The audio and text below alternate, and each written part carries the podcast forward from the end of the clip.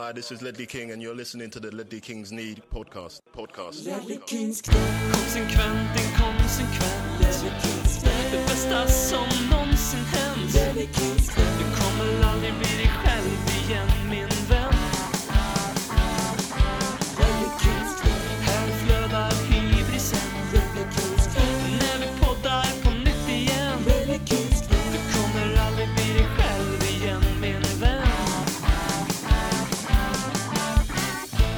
Jag ska öppna på ett lite mer Fredrik Wikingsson-sätt. Då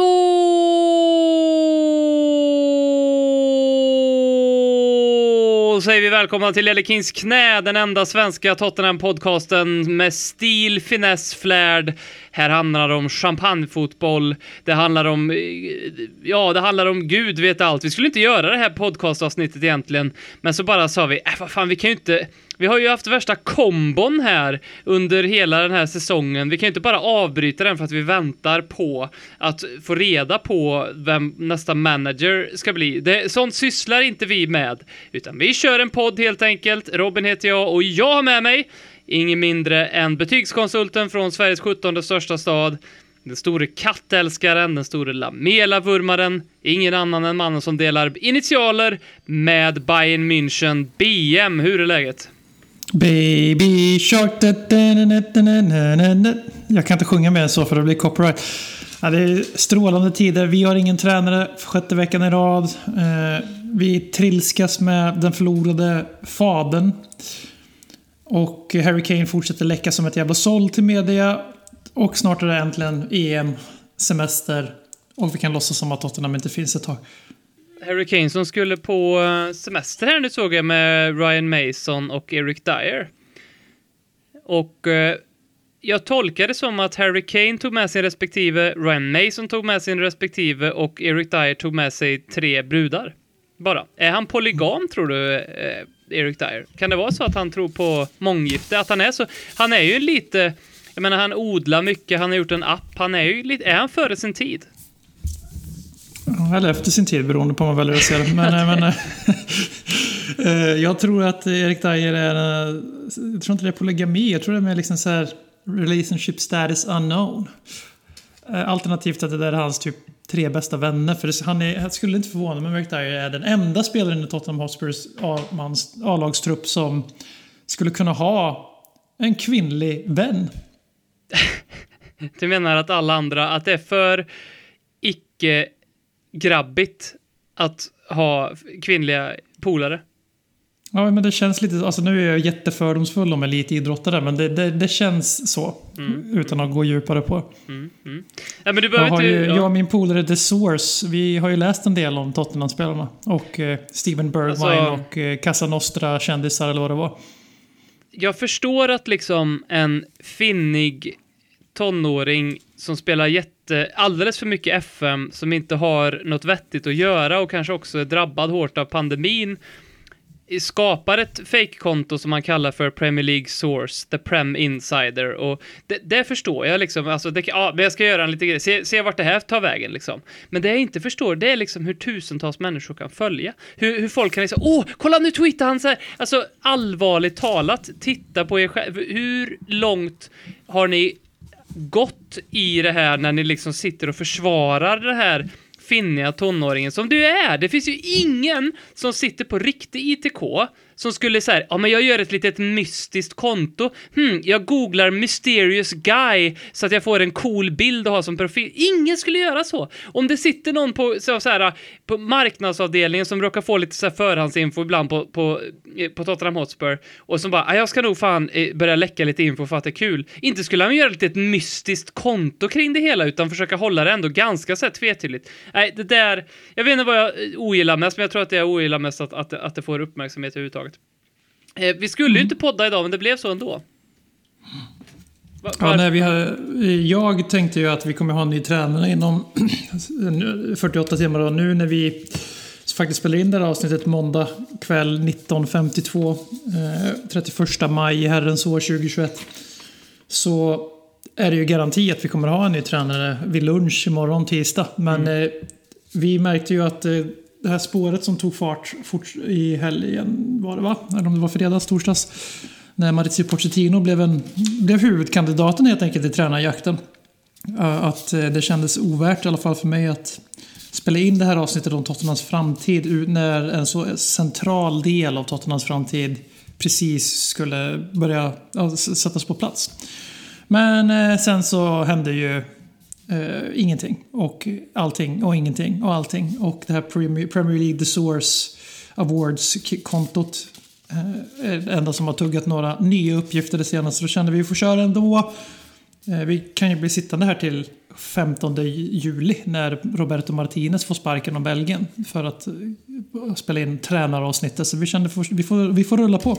Mm. Så vi tar den bara först. Vad, vad är sannolikheten att Maurizio Pochettino faktiskt kommer att vara Tottenhams tränare nästa säsong? Jag menar, vi har ju... Det är ju bekräftat att Tottenham har ställt frågan.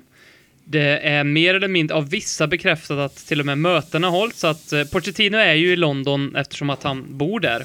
Eh, han har ju fortfarande kvar sitt hus där och pandemin har förhindrat honom och, och hans familj att flytta för mycket. Så att han är ju fortfarande mycket i London och sådär. Så det, det, ska vi, det ska vi inte använda som någon form av argument för eller någon bevis på att det här ryktena stämmer utan snarare då ska eh, PSGs eh, mördar Sheikh har varit, oligarken har varit i, i London och förhandlat med Livi och sådär. BBC har ju twittrat ut om det, så vad fan, det blir inte mer officiellt än så. Men vad, vad, vad, vad är du för sannolikheten att det är Maurizio Pochettino som tränar Tottenham säsongen 21-22?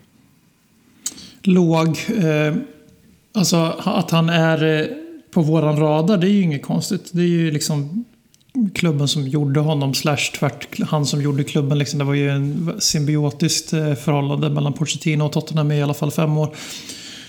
Eh, och den här profilen som ganska tydligt har planterats ut i media och som även insinueras ganska öppet till i, i det här årliga brevet från Danny Levy om att klubben har tappat sina rötter och glömt bort sitt DNA. Mm. Att det är ju Maurizio Pochettino 2.0 man letar efter. Mm. Och om då det skickas signaler från Pochettino och hans, hans camp. Han har ju ingen agent, men eh, så det är, inte, det är inte hans brorsa som läcker, till skillnad från Harry Kanes. Det kan ju vara hans son. Ja, precis. Eh, Maurizio med Z. Ja. Att, att man då checkar av med honom, eller att han hör av sig. Det är ju jätterimligt, det är jättelogiskt. Det, det, varför ta en kopia eller någon som kan bli Porsche när Porsche vill hem? Mm. Eh, sen är det ju här, jag tror att Pochettino själv och många runt omkring världen blev lite förvånade över hur hårt PC går ut för att försvara sin tränare, alltså behålla sin tränare. Mm. Framförallt är det många som hakat upp sig i det här att han inte faktiskt vann ligan utan han tog inte in de där poängen som de låg efter när han tog över.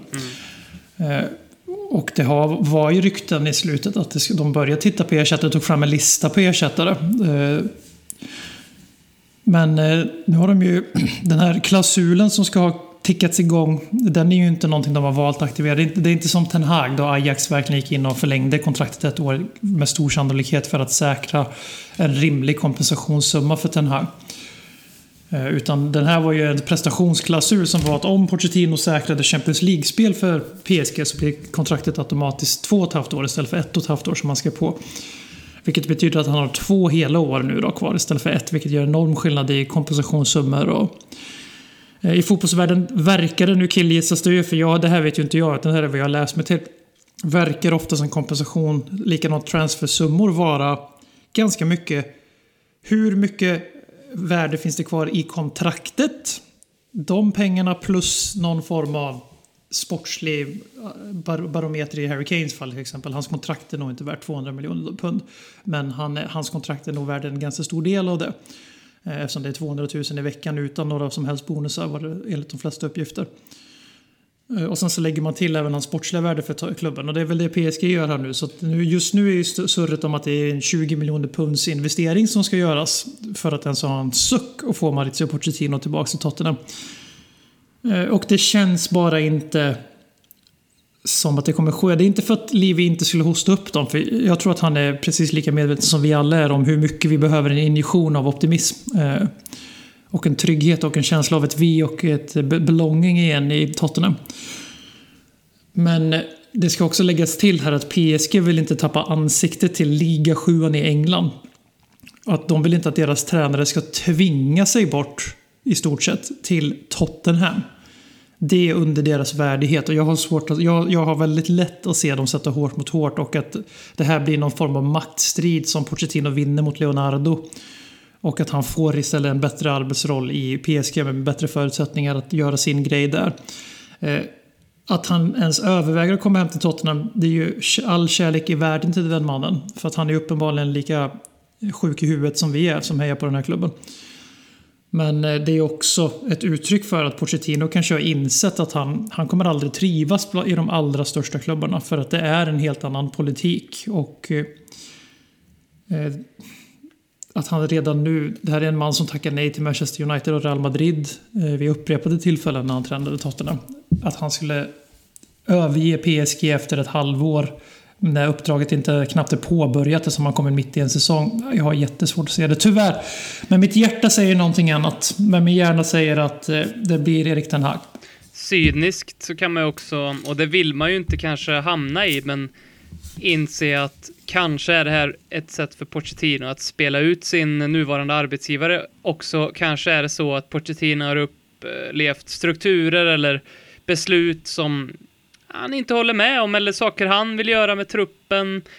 Vad det nu kan vara på Tottenham Hotsp på, tot på Hotspur Way vill han installera videoutrustning som han fick nej på. Det kan vara något sånt här, men han hade citroner i en liten skål, det kanske han inte får ha nu på eh, Champs-Élysées eller vad nu vad fan det heter där de tränar. Men, um, och då, då kanske han gör det, låter det läcka de här ryktena lite om för att uh, sätta lite press på PSG helt enkelt.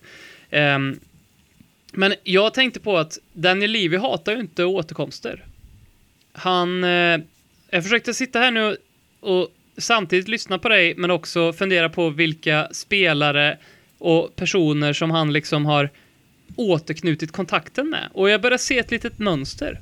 Är det lite så att Daniel Levy är typen som sitter och googlar och stalkar sina ex i år efter år efter år att de har gjort slut. Kanske. Det började väl med Teddy Sheringham, är jag ganska säker på. Teddy Sheringham kom ju tillbaka till Tottenham. Hans första tu tur var ju inte under liv utan Alan Sugar. Men jag är ganska säker på att Teddy Sheringham kom till Tottenham Typ som Daniel Levis första, mer eller mindre första värvning när han tog över som ordförande 2001, tror jag. Eh, och sen är det säkert många där, men i, i modern tid så det absolut senaste ex exemplet på det är Gareth Bale. Men vi behöver inte gå långt tillbaka för att se spelare som eh, Robbie Keane göra återkomst, Jermaine Defoe eh, göra återkomst. Ryan Mason på sätt och vis gjorde en liten återkomst. Kan, kan det få vara lite så att det finns ett element av sentimentalitet hos Levy? Eller är det att han också är lite sådär i hans värld att när han tar tillbaka en spelare då från Real Madrid eller Pochettino från PSG eller Robbie Keane från vilken av de här 27 klubbarna var det han kom från? Var det Liverpool han kom från när han och gjorde comeback? Att han, att han är lite så här, ha, där fick ni. Ni är inte större än mig trots allt. Jag kan faktiskt rycka tillbaka. Att han vill göra kanske ett litet prestigeutlåtande eller ett, ett prestigeexempel av saken. Eller att det handlar bara om Tottenham, bilden av Tottenham, att så här, spelare kommer faktiskt tillbaka. Jag vet inte, eller om det bara är tillfälligheter. Det kanske finns lika många exempel i, i andra klubbar som i, i, Tottenham. Och det finns säkert fler exempel i, i Tottenham också. Men eh, man har ju inte mått dåligt av de senaste dagarnas skriverier eh, om att Pochettino kommer tillbaka. Herregud, om... Som, På ett sätt har man ju det. Ja, eftersom att man inser att... Man börjar drömma. ja, och, så, och, och det finns ju... Jag tycker ju synd om nästa manager därför att jag vet ju att vem det nu än blir, även om det kanske blir en jättebra manager, även om det kanske blir Erik Ten Hag eller Graham Potter, de två som jag hoppas mest på om det inte blir Pochettino, så kommer jag alltid tänka, det hade kunnat varit Pochettino. Och på något sätt så kommer nästa manager också liksom benchmarkas lite mot att hur hade det här gått under Pochettino? Tänk om vi får en rebuild i sommar? Tänk om vi gör, säljer väldigt mycket spelare och köper väldigt många nya och så tänker man, ah, tänk om vi ändå hade fått Pochettino istället för det här också och fått den här rebuilden.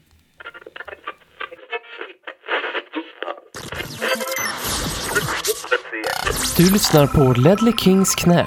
Du kommer aldrig bli dig själv igen.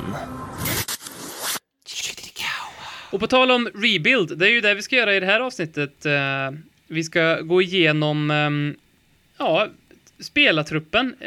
Som den är idag och som vi, du och jag, BM, tycker att den borde se ut säsongen 21-22. Och vi, vi kommer att börja med att titta på truppen, vilka spelare vi vill göra oss av med, höfta ungefär vad vi tror i, i runda slängar att vi kan tänka oss att få eh, i, för, för dessa. Och sen så går vi igenom då när vi ser vad, vad vi har att röra oss med. Eh, och så leker vi Steve Hitchen här helt enkelt och funderar på vilka positioner behöver vi förstärka och hur mycket ska vi punga ut på, på varje. Och så någon gång under den här podden, ifall nyheten kommer om att Pochettino faktiskt har återvänt till White Hart Lane, ja, då får ni höra våra reaktioner live. Det blir spännande!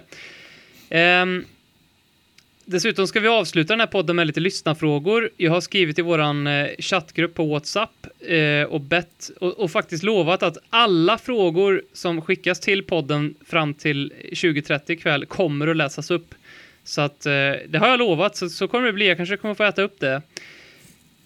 Vi börjar väl med mål, målvaktssidan. Vi har Hugo Juris, Joe Hart och Alfie Whiteman. Allas kontrakt går ut nästa sommar. Vad bör vi göra där, tänker du? Eh, Hugo Lloris ska stanna. Han var Premier Leagues bästa målvakt den här säsongen. Eh, I alla fall statistiskt sett. Jag tycker att han eh, kanske var det överlag. Eh, minst topp tre. Ifall det är någon som ska sitta och låtsas att Ederson och Alisson är så jävla bra bara för att de är flashiga. Eh, sen eh, är det ju, Alfa Whiteman måste ju ut på lån, han måste spela fotboll. Mm. Det kommer inte finnas, det finns inte så mycket den killen tror jag, men han kan liksom inte sitta på läktaren och göra ett inhopp i Europa League-gruppspel när vi gör målvaktsbyten när vi ledde med 5-0 typ. Eh, sjukt att inte Mourinho fick en högerkrok av motståndartränaren för det. Eh, Joe Hart är väl bara rida med, men han ska absolut inte vara andra målvakt. Det är dags, med tanke på Hugo Lloris eh, utgående kontrakt, med tanke på hans ålder och med tanke på att han verkar rätt less på tillvaron i norra London. Vi måste värva någon i år redan som kan utmana honom på sikt. Eftersom att nästa sommar så kommer Hugo Lloris att lämna Tottenham på ett sätt eller annat. Kanske redan den här sommaren faktiskt. Eh, och det måste finnas en, det måste finnas en arvinge. Mm. Och poddens favorit är ju Lennart Grill, bara för att han heter Lennart Grill. Fantastiskt namn. Men uh, jag förstår också med tanke på den ekonomiska sitsen, med tanke på osäkerheten kring Harry Kane, tränare och allting. Man kanske inte prioriterar en så pass bra målvakt just nu. Mm. Men vi behöver ha in en ny här och eh, det är eh, oavsett. Joe Hart kan inte vara två. Vi är en Hugo Lloris-skada ifrån att vara på 14 plats den här säsongen. Mm. Jag tycker också vi ska lämna den orörd. Jag funderar lite på det, men jag, jag tänker samtidigt, vad kan vi få den här sommaren i pengar som är så pass värt att vi går en säsong utan Hugo Riss och kan vi använda de pengarna till något bättre just den här sommaren så, sommaren så kanske det är bra faktiskt. Och så låter vi han gå på free transfer nästa sommar.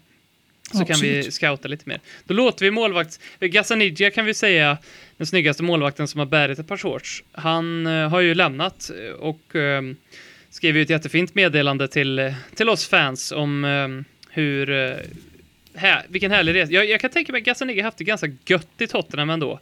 Eh, jag tror att han haft en, det har varit en trevlig tid av hans liv. Fått lite härlig lön, fått stå, varit första målvakt när Hugo Lloris var skadad där en, i början på Mourinhos era. Och sen blivit utlånad till, vad var det, Elke han stod i här nu i, i La, La Liga va? Eller? Mm. Ja. Räddade de kvar i La Liga om jag minns rätt. Otroligt. Eh, backuppsättningen Davison Sanchez, Dyer, Alderweireld, Rodon, Tanganga, Cameron Carter Vickers vars, vars kontrakt eh, går ut i sommar. Så han kan vi ju jag bara... Tror vi en klass, jag tror det är en klausul där så att det är ett år kvar. Okej. Okay. Eh, han skickades ut på lån, samma som vi gjorde med Foyt. Där vi la till ett år på kontraktet för att de fick gå på lån. För att de inte skulle gå som free agents till sin låneklubb. All right. Regulion, Davis, Orier, Doherty och så har ju Danny Rose redan lämnat klubben. Eh, vad behöver vi göra här? Eh, om vi tänker bara vilka vi ska göra oss av med av de här. Toby Alderweireld. It's been real. Men får vi ett bud som är tillräckligt stort, farväl. Vad är Eric Dyer. Ja, vad är tillräckligt It's stort? It's been real. eh, får vi ett bud, tack, tack för att du har gjort den här klubben. Davison Sanchez. It's been real. Eh, får vi ett tillräckligt stort bud, Tack för allt du har gjort i den här klubben. Sergio Rier, it hasn't been real. Får vi ett halvt... Ja, du. Jag tänkte jag nöjer mig med mittbackarna först för det. Jag, jag, jag kan fortsätta. Eh, jag, jag har inte ens skrivit upp eh, så här, på någon av mina två lappar här. Trots att han... Eh, Ja, Serge kommer att lämna Tottenham. Han har ju tydligen fått luften. och Han har ju varit väldigt frispråkig i media om att han älskar PSG. Och, och det finns ju några putslustiga twittrare som har påpekat att efter att han typ var klar för PSG så har Pochettino velat lämna PSG och PSG har istället värvat i stort sett Hakimi från Inter för 60 miljoner. Och helt plötsligt ska Poch stanna i PSG. Ni får dra de slutsatserna ni vill om det. Men vi, Men eh, vi, vi, kan, ja, det, mm, vi kan ju inte göra oss av någonstans? med liksom Dyer, Toby, Davinson på en och samma sommar. Det går ju inte bara. Va? nej, jag, har, jag, är, jag, är en, jag är en eh, snäll, lite mesig eh, hitchen här. Jag har sagt att jag är nöjd, nöjer mig med att sälja två av tre. Och den, som är, och den som är för mig är rimligast att behålla är Toby på grund av rutin. Det faktum att han var vår bästa mittback den här säsongen. Och vi kommer få väldigt lite pengar för honom för att hans karriär är slut. Alltså det, Tottenham är slutet och sen kanske han varvar ner lite som Janne gör i Benfica. Och då menar jag inte för att sitta och låtsas att England är the NBA och, och vad fina Tottenham är och Benfica vilken jävla låtsasklubb. Absolut inte, det är bara att det rent konkret är vad som hände. Eh, Eh, och han har också skrivit ett nytt kontrakt nyligen. Så att han kostar nog mer än vad det smakar för de flesta klubbarna som skulle vara intresserade av honom fortfarande. För jag tror inte att han är så sugen på att spela i till exempel ett Aston Villa i Premier League. Utan det ska ju vara så här lite glammigt, fint ställe, eller hemma liksom. Det ska ju vara Belgien, kanske Ajax. Eh, eller så ska det vara någon Lissabon-liknande som för Janne. Så han blir förmodligen kvar, men två av de här måste bort för vi måste renovera mot mittförsvar. Eh, sk- Skulle jag köra någon form av så här, först, vem ska ut först? Erik Dyer. Han är inte homegrown, han är den sämsta av de här tre. Och lite mer stabil än Davison Sanchez, det ger jag honom. Han har ingen spetsegenskaper förutom att han är en ledare tydligen. Så han rycker först och sen Davy för mig. Men jag skiter egentligen i vilken ordning de sticker så länge båda två försvinner. Men jag kan tänka mig att eh, sälja båda två, så jag tycker vi, vi kommer överens om det. Och eh, det innebär ju också att vi måste lägga krut på att köpa två mittbackar, för det räcker ju inte att ersätta de här två med en. För även Nej. om eh, den mittbacken är nästa Ledley King, så då ser liksom, då är det Joe Så spelar han ju bara varannan match till att börja med. Så. men, precis. Men eh, då är det ju bara Joe Rodon och Jaffe Tanganga som är backup och det kommer ju inte hålla, speciellt när vi ska ut på konferens i Europa. Eh, men jag tror det var... var da, San, eh, Davison Sanchez tror jag fan vi kan få 30 miljoner pund för. Eh, Eric Dyer, kan vi få 20 för han? Ledley Kings knämugg. Eh, 20 miljoner pund och en Ledley Kings knämugg. Eh, och då, ja.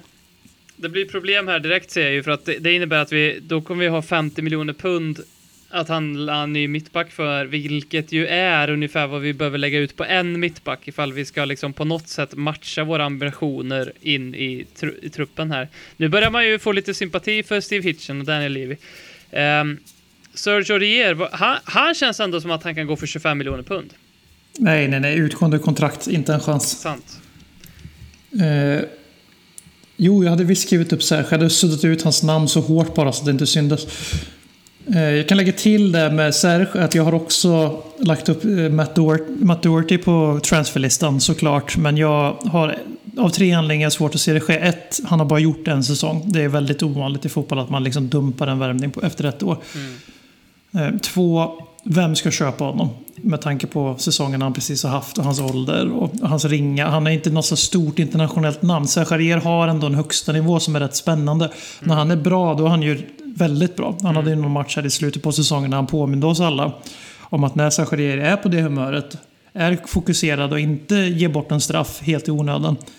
Då är han ju en plusspelare för Tottenham. Eh, Det kan vi inte säga om ett år till just nu, så därför tror jag han blir kvar. Så jag är nöjd med att sälja en av två. Eh, Även om jag absolut skulle sälja båda om vi fick bud. Men jag tror inte vi får det på dockan som sagt, så han blir nog kvar.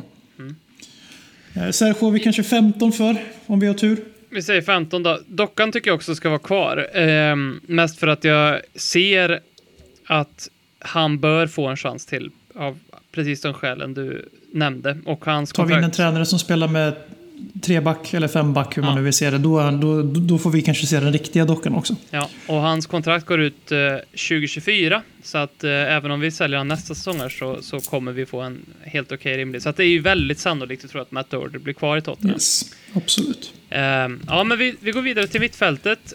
Vi har vänsterbackarna först bara. Där ska Ja. vi inte sälja någon. Nej. Men kanske Ben Davis. eh, Men han kan också spela tredje mittback och eh, riktigt fin kille och en poddfavorit så han blir väl kvar. Men det börjar ju sägas att vi får ju in en tredje mitt vänsterback i Sessignon. Mm, precis. Eh, och vi har även Dennis Sirkin som är jättelovande. Han går ju säkert på lån och spelar seniorfotboll så hade inga problem. Men här finns det ju en möjlighet att det kommer in ett bud på Davis. Eller ta med fan om Real Madrid åkte att aktivera sin klausul på 40 miljoner euro eller vad tusan det nu var på Regulon. Det kommer de Då aldrig kanske göra. man ska- Men, eh, ja. Nej, men om de skulle göra det, då kanske man skulle lyssna. För att ja, ge Sessignon den chansen. Det beror ju på vem som är, väldigt mycket på vem som kommer in som tränare.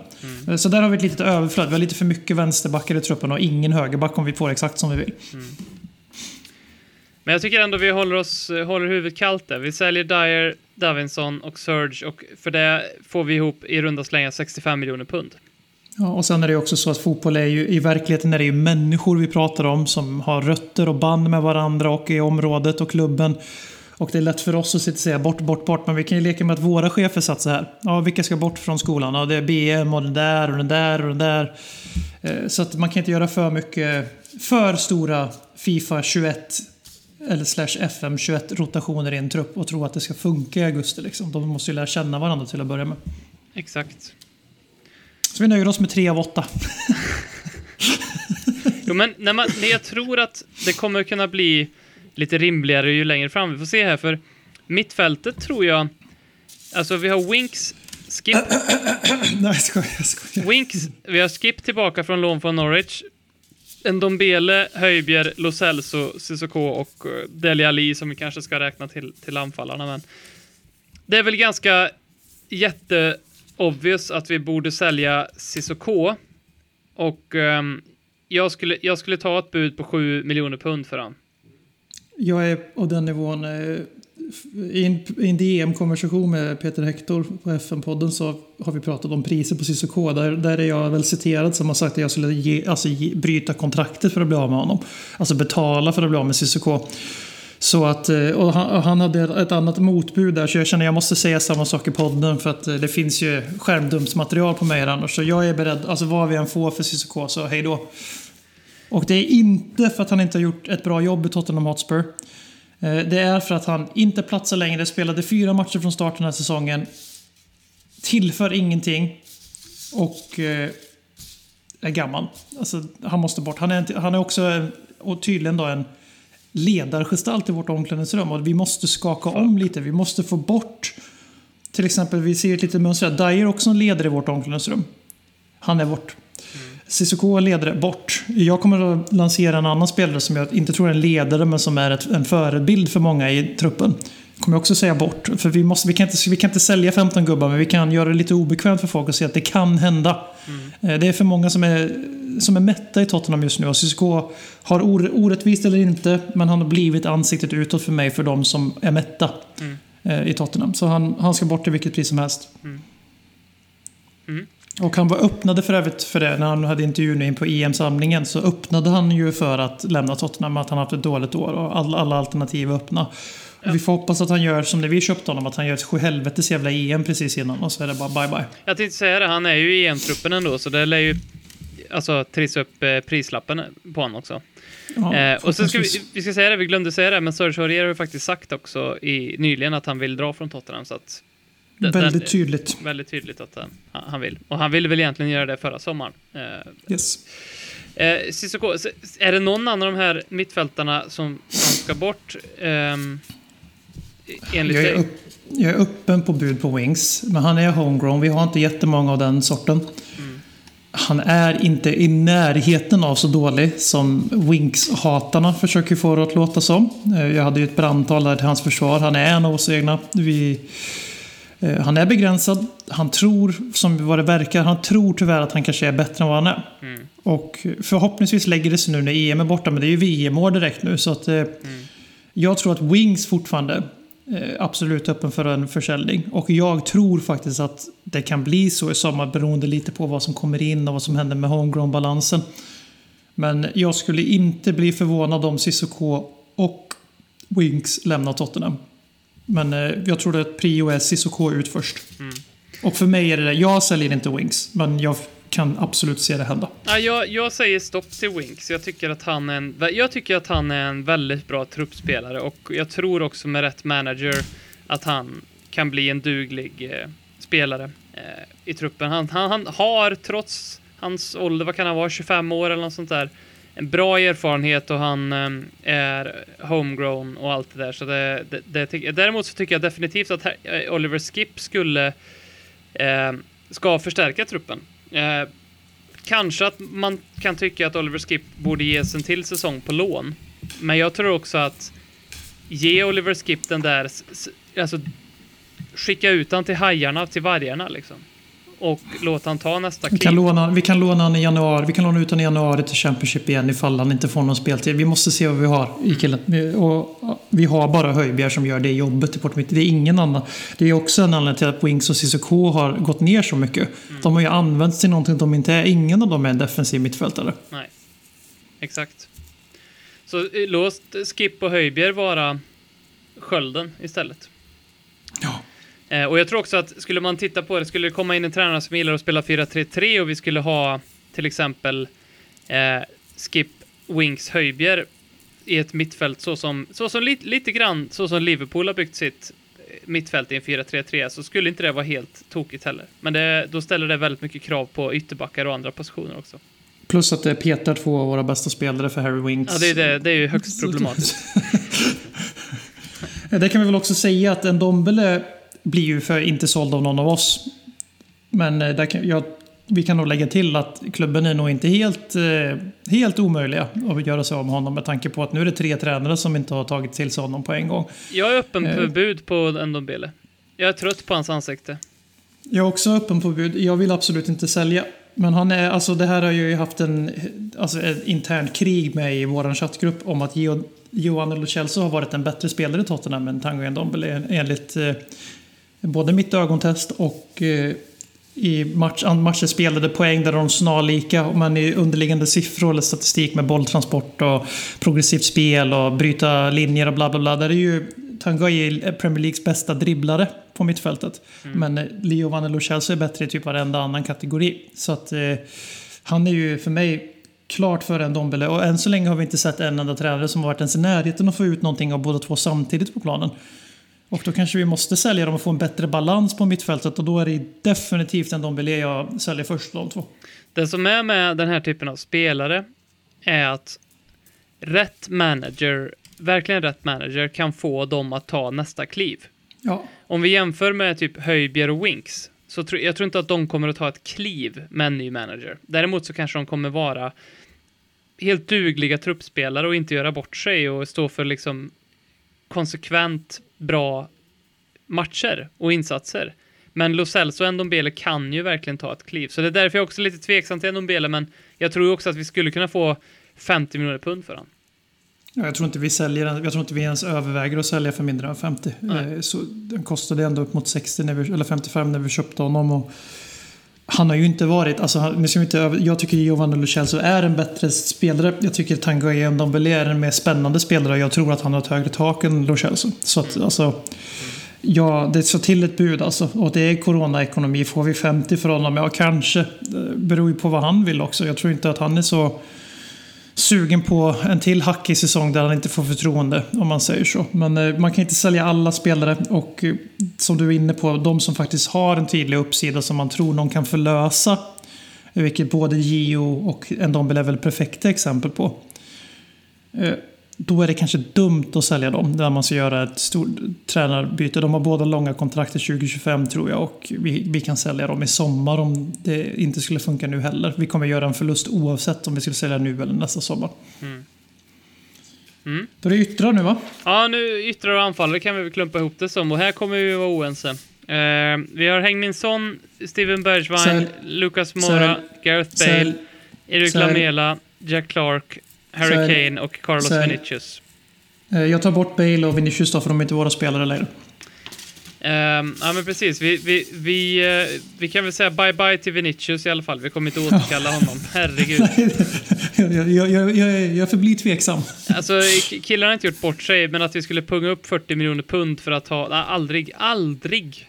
Aldrig. Nej, han blir, han blir inte Harry Kanes arvtagare ifall Harry försvinner, så kan vi väl säga. Nej, nej, nej. Han är alltså suveränt löst egentligen av Livio Hitchen att ta Ja, in han för 3 absolut. miljoner pund. Så, alltså, jättebra löst, men inte en krona till. Hur många tusen pund blev det per mål? Han gjorde väl nästan 10 måste han ha gjort. Ja, något sånt där. Och ett dretsnyggt mål mot Marine också. Så att, eh, Mål, bara målfirandet mot Marine var värt 3 miljoner pund. men är vi överens på att vi säljer Lucas Mora?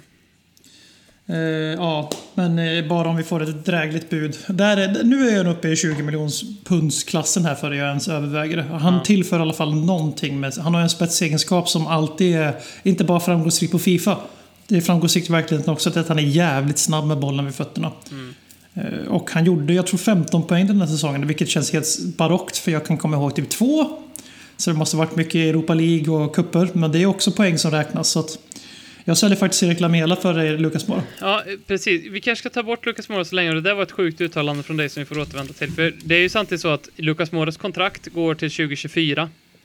Så att eh, skulle han göra, säg en bra säsong här nu, så skulle vi kunna trissa upp priset nästa sommar, eller till och med sommaren därpå.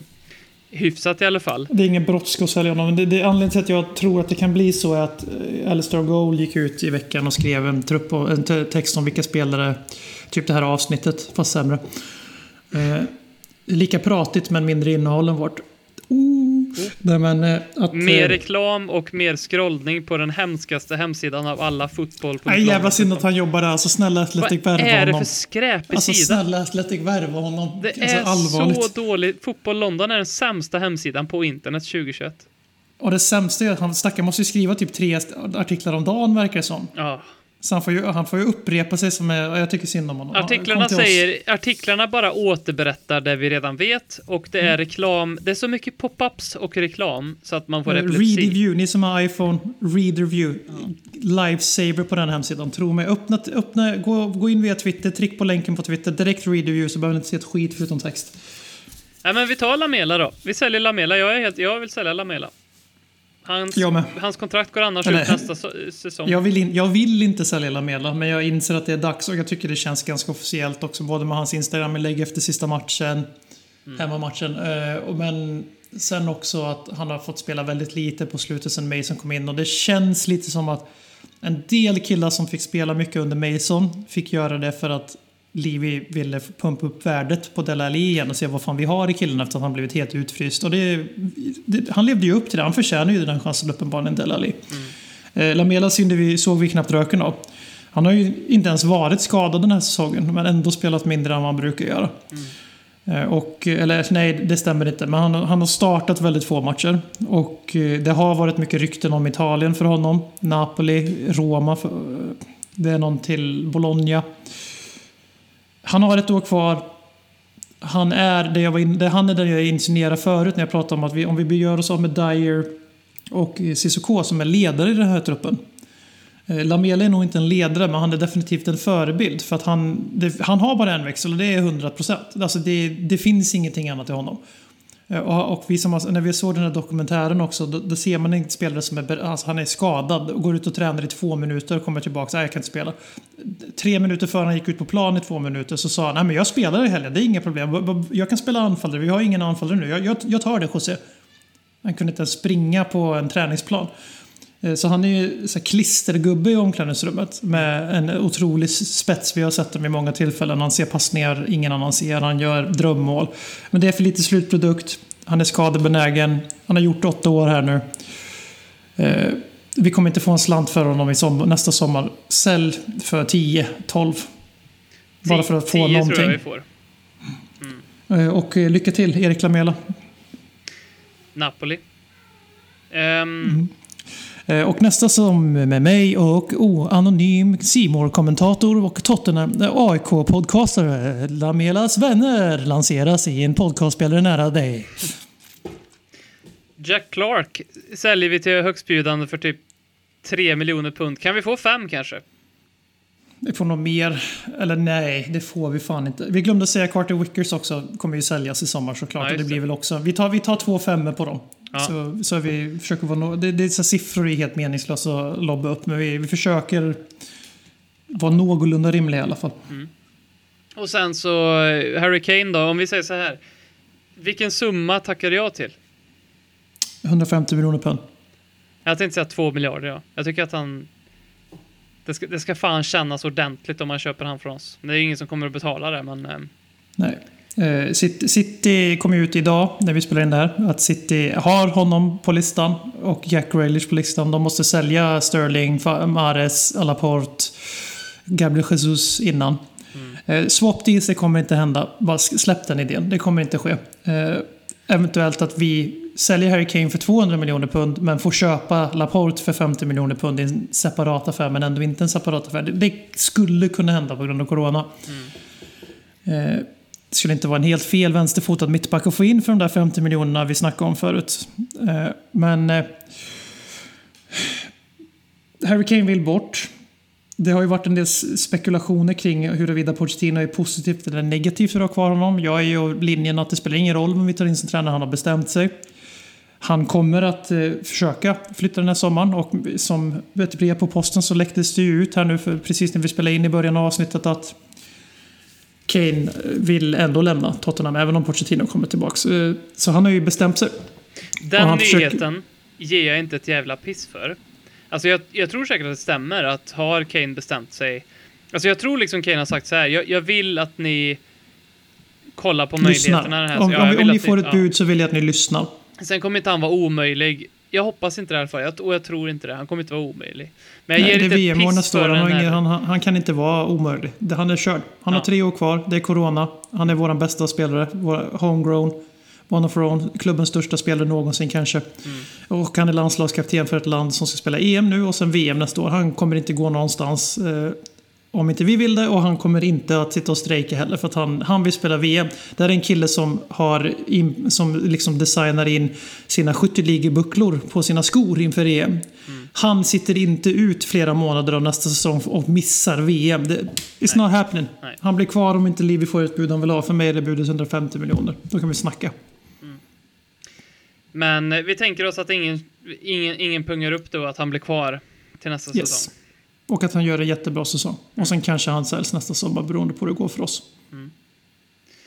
Eh, har jag det rätt då om vi säger att det blir så här? Vi säger hej då till Dyer, Davinson, Surge, till Sissoko, Lamela, Carter Vickers, Jack Clark och Carlos Vinicius inom parentes. Yes, eh, jag har ju strikit över även Dockan och Lukas och Toby. Men som sagt, det var de två av tre på mittbackarna, en och två på högerbackarna och en och två på Lukas och Lamela. Och det här är inte FM. Vi, alltså för, Nej, för, det, för grejen är så här att det är så lätt att tänka, ja men om man pengarna vi får för dem kan vi köpa nya för, så är det ju faktiskt så att det, i, på FM är det ett par klick för dig att lägga ett bud, men i verkligheten så är det liksom Steve Hitchen och Daniel Levy ska jobba i sommar och fixa de här värvningarna. Eh, så det, det, det är någonstans en, ett, eller en, en parameter som inte vi väger in när vi sitter och gör den här tankleken, att vi inte behöver göra jobbet med att sitta och förhandla transfers och resa och prata med agenter och hit och dit. Vilket är ett jävla arbete att göra. Så att eh, någonstans så inser väl de också att vi kan inte göra allt det här den här sommaren. Långa poddar, långa poddar, långa poddar om Spurs. Vi tar och tittar på vad vi ska göra för de här pengarna då. Om jag har räknat rätt här så får vi ihop i runda slängar 92 miljoner pund. Och... um, det är alldeles för lite för en smärtsam rebuild. Så är det. Verkligen. Men addera då att vi har det här nya sponsoravtalet med batteripartner som jag har glömt namnet på. Vi har Och sponsoravtalet. Kinch är en Men- sponsor du inte kan köpa tröjan utan. Just det, och eh, sponsorn Dulux, eh, måleriföretaget, och eh, att vi garanterade oss Europaspel och att fansen kommer komma tillbaka till arenorna. Så Livi och Enix säger okej, vi skjuter till lite pengar här nu som vi, som vi förväntar oss få igen på matchdagsintäkter och sådana saker. Så kan vi kanske stretcha det till att vi har en budget på 110 kanske? Jag tror att vi kan absolut se Tottenham köpa spelare för 150 miljoner. Alltså en stor värvning utöver det vi säljer för. Om vi ser vi får in 90 i runda slängar då kan vi nog köpa för 140-150. Beroende på om det är värt det i det enskilda fallet. Vi såg ju faktiskt Pochettino få en sån värvning ett par år för sent i den Dombele. Och då var vi också nosade på Bruno och på Dybala i det fönstret. Så att han, har, han har visat i närtid att han gör det. Men det var ju också Champions League-säsonger. Ja, absolut. Och eh, vi vet inte riktigt än vad marknaden kommer, hur mycket marknaden kommer påverkas av Corona nu när det, vi får lov att anta att det kommer vara någon form av publikkapacitet på alla matcher nästa säsong. Vilket gör ganska stor skillnad i intäkter för alla klubbar såklart. Eh, s- jag vet inte. Vi, plus minus noll och sen en spetsspelare är vad jag tror och hoppas. Eh, och den första som kommer att värvas är Andersen från eh, Lyon Ja. som spelar till Fulham. Vad kan Det- han tänkas att köpas för då? Jag har läst allt mellan 15 till 25 miljoner pund. Vi sätter 20 då. Yes. Det, det, det känns, 20 känns ganska rimligt och också en ganska bra värvning. Det är klart att vi hade velat haft en, ett större namn än han, men han har gjort en säsong i Premier League och han har gjort det rätt bra också. Han är också en ledare. Han var lagkapten som inlånad-spelare i ett nedflyttningshotat lag. Så han har ju uppenbarligen Dyer-egenskaper. Han är en bättre fotbollsspelare än honom. Han är ganska överskattad enligt mig. Men det, han är bättre än Dyer i alla fall. och vi börjar en till mittback. Eh, för mig är det skitenkelt. Milenkovic i Fiorentina. Ja. Vi har Europaspel, det har inte de. Kan du Vi- berätta li, lite mer om han? Typ 1,98 lång. Eh, mittbacksgeneral i Fiorentina. Jag tror att han har haft bindel ett par gånger när jag har kikat lite. Eh, eh, jag tror han är 23, någonstans där liksom. Den åldern, 22-23. Ung, utvecklingsbar. Stor som ett jävla hus, som sagt. Inte helt ovän med bollen. Har kopplat samman med oss i över ett år. Och eh, som sagt, Fiorentina har ju precis som vi en ekonomisk skitsituation. Eh, för att de inte heller får några intäkter. De slutade långt ner i Serie A. De spelar inte i något Europaspel. Så han är inte så off our radar. Till exempel en sån som Sabitzer som det pratades jättemycket om när Mourinho fortfarande var kvar. Han kommer vi aldrig få nu när vi missade både Champions och Europa League. Eh, Eftersom han är lagkapten i Leipzig som ska spela i Champions League.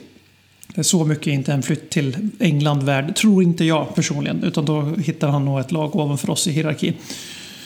Eh, Men Milenkovic tror jag vi kan få. Vi lär inte vara ensamma om man ville ha en signatur. Det har ju surrats om United. De får ju aldrig nog av mittbackar.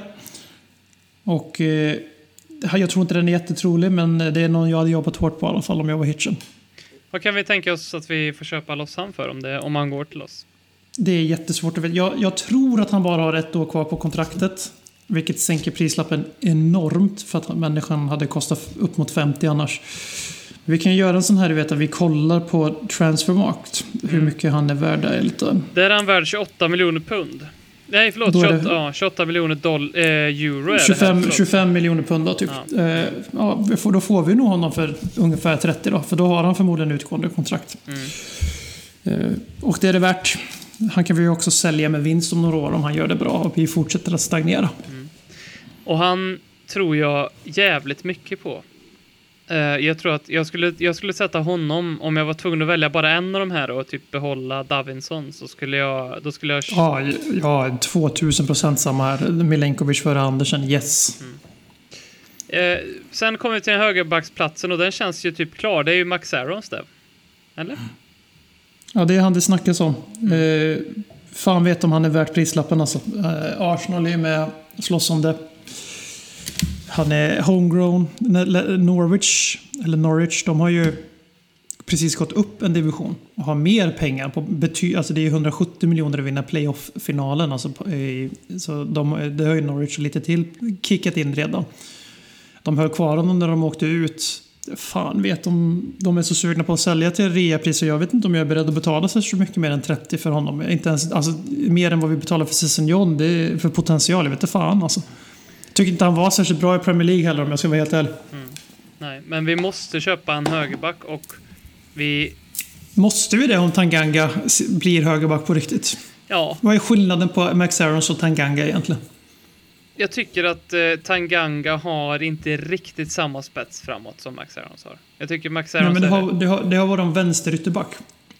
Ja, det är sant. Men, men vi, vi kan inte spela sån här... äh, En, Nej, inte Mourinhos eh, där Sergio spelar högeranfallare, men Nej. alltså någon hybrid. Alltså Tanganga måste ju också få chansen att misslyckas. Och sen har vi ju Dockan som är en habil Premier League ytterback om han får spela i rätt roll. Så jag, jag, jag tycker inte att Max Aarons är en prioritet, men jag förstår om du inte håller med. Det beror ju väldigt mycket på också hur mycket vi litar på Tanganga som tyvärr har en fäbless för att vara skadad väldigt mycket. Och det är ju, inte- vi kan ju inte gå in i en säsong med bara Doherty på högerbacken. Då är det ju bara tacka godnatt. Nej, för, jag- för mig så behöver vi ju värva en högerback, men det är också en sån här position som jag inte vill punga ut massa pengar på. Det är liksom, jag vill inte punga ut 30 miljoner pund på en ny högerback när, det, när vi har Altern- Dockan och Tanganga. Alternativ är väl han Selik i Lill som jag tror att han heter. Eh, Som vi kopplade samman med förra året. Eh, som också var väldigt bra. Seki, Seki Zelik, 24 år. Eh, totalt spik-ordinarie i Lill. Tredje säsongen i rad. Han har gjort 34, 23 och 29 matcher. Eh, väldigt habil. Tror inte han kostade närheten av lika mycket som Max Aarons. Men han har ju inte heller spelat i Premier League. Så att det är ju det också. Jag, jag säger hellre honom för 15 miljoner pund i så fall. Ja, jag tror också hellre honom än eh, Aarons oavsett egentligen. Men eh, det är också, Aarons är homegrown. Så. Men det är, det är någon av de två. Som det, vi, kan ju inte, vi kan ju sitta och gissa hur mycket vi än tror att vi vet om fotboll och hur mycket vi än läser om journalister som placerar namn i olika klubbar. Så kan vi utgå ifrån att Steve Hitchen har en betydligt digrare lista med högerbackar än vad vi har. Och homegrown tror jag inte vi behöver oroa oss så mycket för, för om man tittar på vad vi gjorde oss av med så var det ju inte speciellt, det var ju inga homegrown förutom då Jack Clark då. Jag vet inte om Cameron Carter Vickers kanske i och för sig räknas som homegrown också, men Ja, men de var inte med i truppen i år heller, så det spelar inte så stor roll. Nej. Så att eh, om vi pausar det lite och så, som jag ser det, så behöver vi inte förstärka något annat då, förutom möjligtvis med en ytter och en anfallare. Och måste jag välja här så måste vi välja en anfallare. Ja, eh, så är det ju. Och där är det Dusan Vlahovic som Harry Kane blir såld. Över 20 baller i samma Fiorentina som Milenkovic spelar i. Storväxt som ett jävla hus. Eh, nästan stor anfallare. Eh, att göra över 20 mål, jag tror han är 20, kanske 21. Eh, storvuxen som sagt, riktigt imponerande. Alltså jag såg en del Fiorentina i slutet av deras säsong just för att eh, eh, Kane var på väg bort vad det verkar. Så att han eh, skulle jag gärna ta. Både han och Milenkovic från Fiorentina. Samma argument som där att ja, han kommer kosta. Och han kommer framförallt kosta om Harry Kane blir såld. Så klubben måste verkligen göra ett bättre jobb och övertyga folk om att Kane inte ska någonstans än vad de gjorde med Bale. Eh, för att pri- trycka ner priset på honom lite grann. För han har inte utgående kontrakt så vitt jag vet. Eh, och han kommer inte att ersätta Harry Kane på en gång och han kommer inte vara lika komplett i spelet som Harry Kane. Men han kommer att göra mål. Och han kommer att... eh, Jag har jättesvårt att se den här killen bli en flopp. Alltså, man, alltså, Serie A är inte en jättelätt liga att göra mål i. Eh, vi- Alternativet är ju svensken Alexander Isak så vi får se oss på Viaplay hela tiden. Och Alexander Isak, nej, absolut inte. Det, 17 mål i La Liga, ja. 16,5. Ja, jag, jag tvivlar inte så jättemycket på Alexander Isak, men jag tvivlar på Alexander Isak i eh, Premier League och jag tvivlar på honom som ersättare för Harry Kane. På samma sätt som jag egentligen tvivlar på Vlahovic, för jag tror att om vi... För mig är det på den nivån att om vi säljer Kane, då behöver vi typ ta in Lukaku. Alltså då behöver vi göra en sån marquee signing anfallare. Problemet är att ingen kommer gå till Tottenham utan Harry Kane som är på den nivån. Nej. Det är så. Men jag förstår, jag förstår tanken. Men jag, vi, vi kommer behöva ersätta med, med potential om Kane blir såld. Vi kommer inte kunna få in en like för like. Kanske Lukaku om Konta hade kommit. Då hade kanske Lukaku kunnat tänka sig. Men nu verkar de ju lösa sina ekonomiska problem med att säga upp Conte. Eller Conte avs- avstod majoritet av sin enorma lön. Och så säljer de Hakimi till PSG och sen så behöver de inte sälja mer efter det. Så att då blir han ju kvar. Eh, I stort sett. Men eh, sen är det det snackas en hel del om Danny Inks. som Ledsnat på SA-15, vill ge det en chans. Men om han är Harry Kanes ersättare, Absolut skjut mig inte. snälla. Ja. Inte för att han uppenbarligen inte kan göra mål i Premier League, för det kan han. Mm. Men eh, kan han göra det igen? Mm. Eh, han är 28-ish, skadebenägen. Eh, jag vet att folk säger emot det, för han har spelat ganska mycket senaste säsongerna, förutom den här säsongen. Men vi spelar 50 matcher per säsong. SA-15 spelar 42 kanske, högst. Ja, nej, det- Nej. Eh, Nej, jag håller med. Däremot så skulle jag inte ha något emot att köpa honom med hans utgående kontrakt nu när, han, när EM är av stapeln och han vill testa någon, sina fingrar i en stor klubb igen. Eh, köpa honom och ha honom som anfallare, alltså i Vinicius-rollen. mm, absolut. Vinicius junior. Absolut. Gärna för mig, men eh, jag tror att han är smart nog att inte gå i den fällan. Men samtidigt, det finns ingen annan, det finns ingen annan anfallsplats ledigt för honom i Big Six. Eh, Kanske att eh, Leicester skulle kunna tänka sig att sätta honom bredvid eh, mannen med outtalat efternamn som heter omöjligt, så Ikenacho. Icke Nacho. Tror du att vi, det finns en liten chans att vi rycker lite i Bamford? Nej, det tror jag inte. Nej. Eh, dagslämna... All, alltså så här. Leeds är en dagslända tills motsatsen bevisas. De gick runt på typ 20 gubbar högst. De hade använt så få spelare så det var ju liksom hysteriskt. De har sprungit mest av alla. De har gjort alla fysiska grejer mer än alla. Bielsa är en tickande bomb på alla sina anställningar. Kanske inte i Athletic Club. Eh, Bilbao. Men eh, jag tror inte på Leeds förrän de klarar av att upprepa det här en gång till. Med deras enormt krävande fotboll. Eh, annars så tror jag, det är klart att han är med på listan. Han är engelsman, homegrown och eh, gjorde mycket mål i Premier League. Det är klart att han finns där och det finns ett intresse. Men jag tror inte att han är, jag tror inte det blir så lätt att få honom därifrån om man säger så. Vi måste ju lösa... Ska vi enas om Vlahovic då? Ja, det, för, min, för min del är det okej. Men det är som sagt, han är bara realistisk överhuvudtaget om Kane blir såld. Så jag, jag hoppas ju Ja. att vi, vi inte får Och, och, Vlahovic. och, och våran tes bygger ju på att inte Kane säljs. Och då kommer vi inte rycka Vlahovic, det är sant. Ehm, Alltså, det, blir, det, blir lite, det blir lite klurigt, så kan man säga. mm. Ta in, ta in uh, Ings då. Ja, om vi ska säga ett namn så då får vi ju säga Ings. Mm. Eh, Det är ju inte helt orimligt. Sen om det är... Eh, sen eh, om det är möjligt. Ja, fan vet.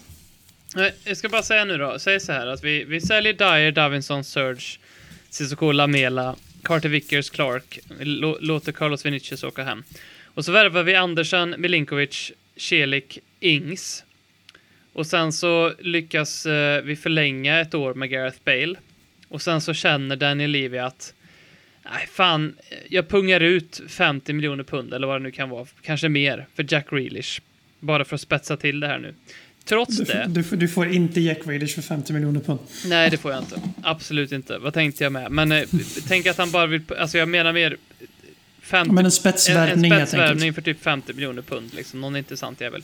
Trots detta så tycker jag inte att... Har truppen blivit jättemycket bättre? Har det, är det, bli, känns det så här, wow, vilken trupp vi har nu? Alltså, grejen är att vi är fem poäng från Champions League den här säsongen också. Vi var kanske någon poäng närmare förra året. När typ alla hade en svag säsong enligt oss supportrar. Förutom Harry Kane och så någon, någon till kanske. Det här, man får ju lov att välja väg här. Antingen så tror man som Mourinho ville få oss att tro när han insåg att det här, vart loppet var på väg någonstans. När, när Titanic stod där ute på Atlanten och började luta framåt och eh, ingenjören gick runt och sa att du den här jäveln kommer att sjunka på en timme. Eh, och passagerarna bara nej, nej, nej, nej, nej, nej, det är lugnt. Vi, den här båten kan inte sjunka. Eh, då vad gör man då? Då kastar man folk framför båten. Eller i vattnet i det här fallet. Och det var vad Mourinho gjorde. Och vi ska inte bli lurade i hans fälla. Vi gör en ganska stor renovering här. Det är ändå åtta gubbar ut och fyra, fem in. Och sen får vi lägga till att Skip, eh, Sessignon, det är nyförvärv, ny positiv energi, ny potential som, inte, som kan... Vi vet inte, Sessignon kanske får ett jävla Gareth Bale-genombrott nästa säsong. Vi, vi kan inte veta det. Tror Parrot kanske kommer tillbaka från Ipswich och gör tio mål i ligan. Vem fan vet? Sannolikt inte, men... Mm. Nej, Dane Scarlett kanske som 12-åring går in och visar sig redo för att vara reserv på riktigt. Det är alltså... Jag tror inte att vi är särskilt långt ifrån topp 4. Som måste vara första steget i vår rebuild. Jag tänker inte, oavsett vem som är tränare, eh, oavsett vad som händer i sommar, gå in med inställningen att det är topp 4 år bust. För det är inte en rebuild. Det är, det är, det är Fifa. Nu har jag köpt nya gubbar, då blir det automatiskt topp 4. Men sanningen är ju, och det går inte att komma ifrån, att vi är så pass nära så vi kan ju vara Alltså vi kan vara en mittback ifrån att ta tre segrar till. Vi tappade 20 poäng eller fler från vinnande positioner den här säsongen. Vi är inte så långt borta. Men vi behöver göra om truppen ändå. För att vi behöver få in lite nytt, ny energi, nya tankar, nya relationer och framförallt vi måste skaka om lite. Mm. Jag tror inte att vi, den här rebuilden kommer behöva bli så blodig. Utan det, jag tror att Pochettino när han sa om det här Painful Rebuild 2018. Det var att den är, alltså vi har redan gjort oss av med Eriksen. Vi har tappat Janne. Eh, vi håller på att tappa Kane. Alltså, det tror inte jag var en del av Pochettinos plan att bli av med Kane. Men jag tror redan att många av de här spelarna som han syftade på då. Alltså favoriter, trotjänare, fantastiska spelare framförallt i Eriksens fall. De är redan borta nu. Alltså, det, det, projekt rebuilden har redan börjat. Det är bara att det har inte känts så. Men Mourinho fick, fan fem, han fick en fem spelare till startelvan i somras. Mm. Alltså, jag vägrar att tro att vi är så långt ifrån som media försöker få att låta som. Med tanke på att vi de facto var fem poäng efter Chelsea. Och vi tappade 20 poäng från vinnande positioner. Vi var med i Champions League-racet till omgång 35, typ. 36. Det är liksom... Så jävla långt ifrån är inte det här laget. Och eh, med en riktig tränare från augusti. Mm. Från första matchen. Och en riktig spelidé som inte bara går ut på att anpassa sig efter motståndaren hela tiden.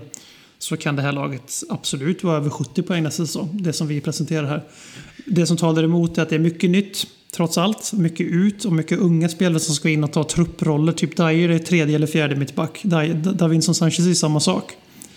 Eh, liksom det är det kan fyllas på med unga spelare. Och, och kommer ha... Harry Kane vinna skytteligan och assistligan nästa säsong ifall han hela sommaren har gått och tänkt att så här, jag väntar på min transfer och, och den kommer inte. Och. Där har vi ju den stora faran. Var, har vi tillräckligt med kapacitet i våran trupp så att vi kan, alltså vi kan överleva en tillbaka, en regression av Harry Kane och Son i avsluten?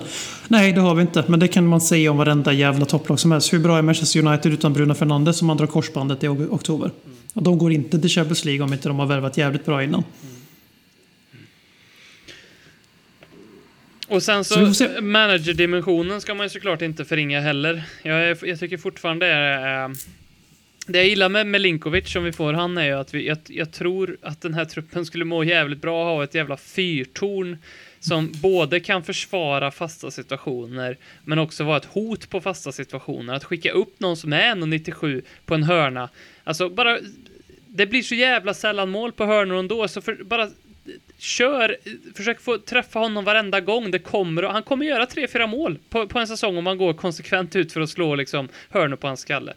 Eh, och sen ska man inte, eh, jag tycker Tuchel är ett jättebra exempel att titta vad mycket Chelsea höjde sig bara genom att anställa en tränare som fick ihop laget, fick ihop en idé och som också är helt ärligt jävligt duktig som coach och, och manager eh, och duktig taktiker. Så får vi den tränardimensionen med en stab kring så, så absolut. Men jag, jag någonstans, någonstans så, så, känner jag en lite sån här känsla med just Harry Kane att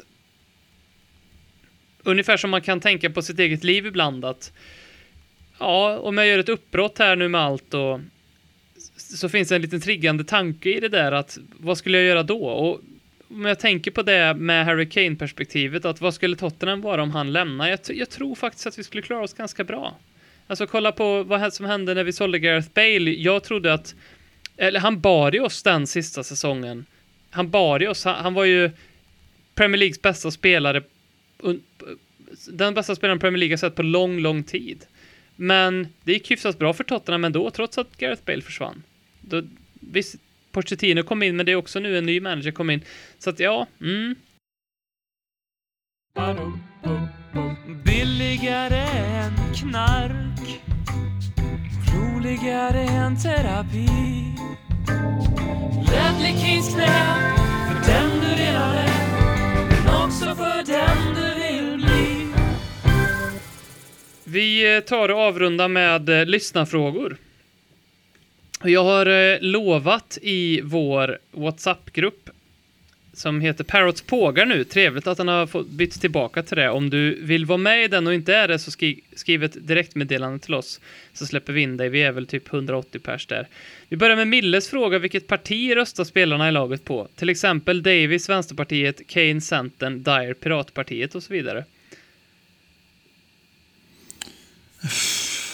Åh gud, vad... Förlåt mig, men vilken ointressant fråga. ja, alltså, i, alltså jag kan säga så här, med tanke på hur långt... Eh, nu säger vi slarvigt höger här så får folk bli upprörda. Men hur långt höger alla de flesta europeiska länder och UK, inte ett undantag, ligger jämfört med Sverige i bara grundläggande samhällsuppbyggnad. Så tror jag inte vi har särskilt många vänsterpartister i Tottenham. Eh, Som att det är typ marxister enligt eh, brit- britter kan jag tänka mig. Men, men det skulle ju faktiskt vara Ben Davis i så fall eftersom att han kommer från gamla Han är ju Labour. Han röstar ju Ja. på brittiska Labour. Inget snack om saken. Erik Dyer gör samma sak. Eller typ Green Party om det finns i UK också. Eh, men... eh, Alltså, jag tänker som de svenska elitidrottsspelarna ofta säger. Att de röstar ofta höger. De röstar ofta Alliansen. De röstar ofta, ofta blåa block. För att de vill få behålla så mycket av sina enorma pengar själva. Och det får man inte i en, en röd regering som har högt skattetryck och extra skatter på miljonärer som det snackas om och sådär. Så generellt sett så tror jag vi har typ 80% Tories i Tottenham. Eh, Det, skulle inte, och det tror jag gäller för hela Premier League. Eh, För de röstar efter plånboken. Och nu är, jag, nu är jag fördomsfull igen mot fotbollsspelare på den nivån. Men jag tror inte de har tid och... Eller det har de ju kanske i och för sig. Men det kanske inte är det viktigaste för dem. Alltså jag tror vi underskattar ibland hur otroligt fokuserade och dedikerade de måste vara till sitt yrke. För att vara på den nivån de befinner sig. Eh, De kanske inte brinner skitmycket för miljöfrågor och eh, lokalpolitiska driftesmål. Liksom, utan cashen ska in, cashen ska värderas, de har en kort karriär. Fine by me. Ja, det, det tydligaste exemplet är väl för att den i modern tid, en av de absolut enda fotbollsspelarna som under rådande fotbollskarriär överhuvudtaget har engagerat sig mer. Och då räknar jag inte in Toby Alderweireld som köpte iPads till ett äldreboende, utan då är det Marcus Rashford. Finns det någon som överhuvudtaget engagerar sig så mycket? Eh, det gör ju inte det. Så att, eh, Per Lönn, vilka spelare skulle Hitchen köpa med 150 miljoner pund? Det kan jag svara på. Han skulle köpa typ två, tre wingers från franska ligan. Han skulle köpa en anfallare från holländska ligan för ungefär samma peng. Och sen så skulle han köpa typ någon hypad spelare från Brentford. Någon, någon som vi knappt hört talas om, men som gjorde typ Ivan Tony, 40 miljoner pund, har inte gjort en match i Premier kanske, League. men, men någon, någon, liksom så här, någon liten yngling där som är hy hyfsat lovande. Det är exakt vad Hi- Hitchen skulle göra ifall han fick bestämma. Ja, du, men- ja, du tänker Jack Clark, tänker du inte? Okej, yes. Eh, nej, men... Eh, alltså, Tottenham har ju ett problem som inte är Steve Hitchen, men vi behöver inte gå in på det just nu. Vi kan spara lite till när vi faktiskt får en tränare. Men eh, problemet är inte, som när vi pratar om vår rebuild här, att vi köper ändå en fyra gubbar tror jag blev till slut. Hälften av vad vi säljer. Så vi, vi var lite mer restriktiva. Men Tottenham har ju kört den här att man köper två istället för en. Man köper två för priset av en. Eh, För det är två, lite som NHL-lag tänker det draftlotteriet. Att man, man försöker ha så många bollar som möjligt i, i tombolan för att ha stor, så stor chans att vinna som möjligt. Eh, Tottenham kör lite samma jackpot-tänk med värvningar istället för att göra de här tre rekryteringarna Liverpool gjorde som tog dem en helt, en helt, till en helt ny nivå. Så, så försöker vi köpa både Lo Celso och en Dombele för att vi fattar fan, de ska ju spela på samma ställe. Och det har vi inte tänkt på. Så blir det följdproblem, följdproblem. Så vi, vi skulle må bra av att plocka en Laporte för 50 mil istället för två projekt som vi gör nu kanske. Men vi kommer inte göra det utan vi kommer plocka Milenkovic och Andersen för 50 mil. Och just det här fallet tror jag det kan vara ganska bra. Men eh, det är också sanslöst tur att vi har utgående kontrakt på Milenkovic och Andersen spelar i Lyon som inte alls vill ha med honom att göra verkar det som. Annars hade det varit mycket bättre att ha en Laporte som sagt. Det är Framförallt det vi måste göra. tycker jag mönstret har varit tydligt att man vill göra typ en eller två värvningar tidigt. Förra, förra sommaren var det i Höjbjerg. Han var ju typ klar liksom innan en säsong, Ja, säsongen innan klar. säsongen var slut. Och det är väl det han som är Andersen i det här fallet. Sen gör man en eller två under sommaren och sen så, så sticker Livi ut på sin lilla konferensresa i slutet på sommaren och gör typ... Har, alltså, helt ärligt, han kan göra fyra värvningar på deadline day, för han har kapacitet av ifall det skulle vara så. Men det- det, är lite tombola där. Vi fick ju Reguljon och Bale liksom, i, i slutet på sommaren där. Eh, så tror jag också det kommer se ut den här sommaren. Och det kommer vara så avgörande att se om vi gör på ett annorlunda sätt. För att en rebuild kommer inte... Det räcker inte att stoppa in en ny tränare och sälja av det. Och vi har sagt att det är inte en rebuild. Det är bara en naturlig... Alltså det är en naturlig refresh som Pep gör varje år med sina lag. Eh, så det som vi skrek om, som Pochettino skrek om, vi vill inte sälja tio gubbar samtidigt. Det var aldrig vad Pochettino sa. Utan han kanske my- mycket väl kan ha tänkt sig att vi, vi, säljer några, vi säljer två gubbar nu. Vi säljer Chris och den här. De ser inte sin framtid där och så plockar vi in två nya. Och sen nästa år då säljer vi den här gubben. Och den här, alltså liksom gradvis för att skaka om hela tiden. Eh, inte bli tjocka och mätta. Eh, och det, jag tror vi behöver ändra våran policy i grunden också. Men det kan vi ta nästa avsnitt. På torsdag. Anton undrar om truppen sattes in i ett Hunger Games. Vem skulle vinna? Det har jag svaret på. Det är solklart. Det är Harry Kane som skulle vinna.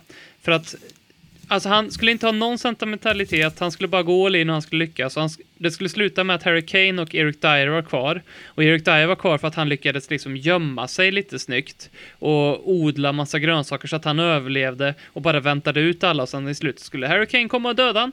Har du något att säga emot? Nej, eh, alltså... Nej, det är Kane. och det skulle, man vet att det skulle vara Son som var den andra finalisten. Som hade hjälpt till att bära Kane så länge. De skulle burit varandra. Och sen så, sen så skulle Kane bara We did it Sonny, we did it Sonny och sen knuffa ner han i orm, ormgropen. Did you get the assist? Jarnebrink undrar när jag ska avslöja att det är jag som ligger bakom The Source Premier League-kontot och att vi alla blir grundlurade. Det hade varit jävligt härligt. Det hade varit, det hade varit lite jag faktiskt, att, för, att försöka bygga upp ett sånt eh, konto. Eh, men tyvärr är inte det. Den här då, Tobbe Andersson. Vem tror ni att det blir som tränare? Han kom från Holland. Han bär en skarf. Han heter Erik. Nu, nu är det du som ska komma in här tänkte jag. Den nederländska Hamrén. Japp. Du tror att det blir Ten Hag? Yes. Om du var tvungen att sätta alla dina pengar, dina katter, ditt lam, din lamela, dina lamela-tröjor, din fru, hennes hästar, allt på, allt på det, då, då kör du på Ten Hag. Ja, det känns som att det bara snackas om Poch, Ten Hag och Conte. Conte vet inte jag hur mycket substans det finns i. Förutom att han är en världsklasstränare som är arbetslös. Eh, Pochettino är profilen. Och Ten Hag är den av de kandidaterna som fortfarande ens nämns för överhuvudtaget som matchar den profilen bäst. Så det är därför jag säger Ten Hag. Så ja, om jag var tvungen att göra allt det där så skulle jag ta Ten Hag. Sen skulle jag inte bli jätteförvånad om det inte är någon av de här tre alls. Eh, jag skulle sätta dina katter, din häst, din fru och alla dina pengar och din bil och dina lamela-tröjor på att det blir Conte. För jag tror att Livi är helt allvarlig med, eller Hitchen, är helt allvarlig med att försöka locka tillbaka Pochettino. Men det kommer inte att gå. Och då kommer han gå på Conte och han kommer att veta, eller så här. Daniel Levy skrev ett öppet brev sista matchen till att nu ska vi hitta en tränare som spelar offensiv fotboll och bla bla bla. Sånt här raka motsatsen. Daniel Levy vet att Conte inte gör det. Men Daniel Levy, och det är det här som är problemet med Daniel Levy. Det är att han, han tänker, ja ja, men Conte kommer de bli nöjda över. Men det kommer vi inte. Jag ska säga, Mourinho var jag emot för att Mourinho var slut och han är ett svin. Conte kallas gärna för Mourinho light. Det är inte så enkelt, men vi kan säga så här. Han är betydligt mer José Mourinho än Maurizio Pochettino.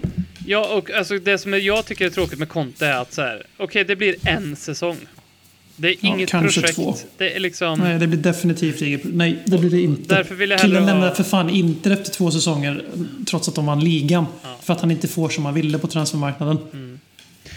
Tror vi att Bale kommer tillbaka undrar Tobbe också. Yes. Det tror jag också. Om han inte slutar som det verkar surras en del om. Men jag har svårt att se att han skulle tacka nej till 30 miljoner pund bara för att spela exakt lika mycket som han gjorde den här säsongen. Liksom. Klart han kommer tillbaka. Eh, vad ska Rose göra nu? Ja, hoppas han får spela fotboll i alla fall. Eller, jag, jag, jag tror fan han går i pension. För att han ser inte ut som någon som brinner för att spela fotboll eftersom han har lagt på sig ganska mycket. Eh, han har ju inte fått, alltså det blir en sån här härlig, ett senare avsnitt men så jävla ovärdigt. Eh, alltså som vi pratade om när vi rantade om Harry Kane förra veckan. Det eh, Danny Rose har blivit helt hängd för och tappat väldigt mycket kärlek för. Ja, hur långt ifrån är det mot vad Harry Kane har gjort? Alltså är det någon skillnad ens? Nej, eh, inte för mig. Sen eh, kanske inte Kane sitter och slaktar sina lagkamrater i möten med Mourinho, men skulle inte förvåna mig.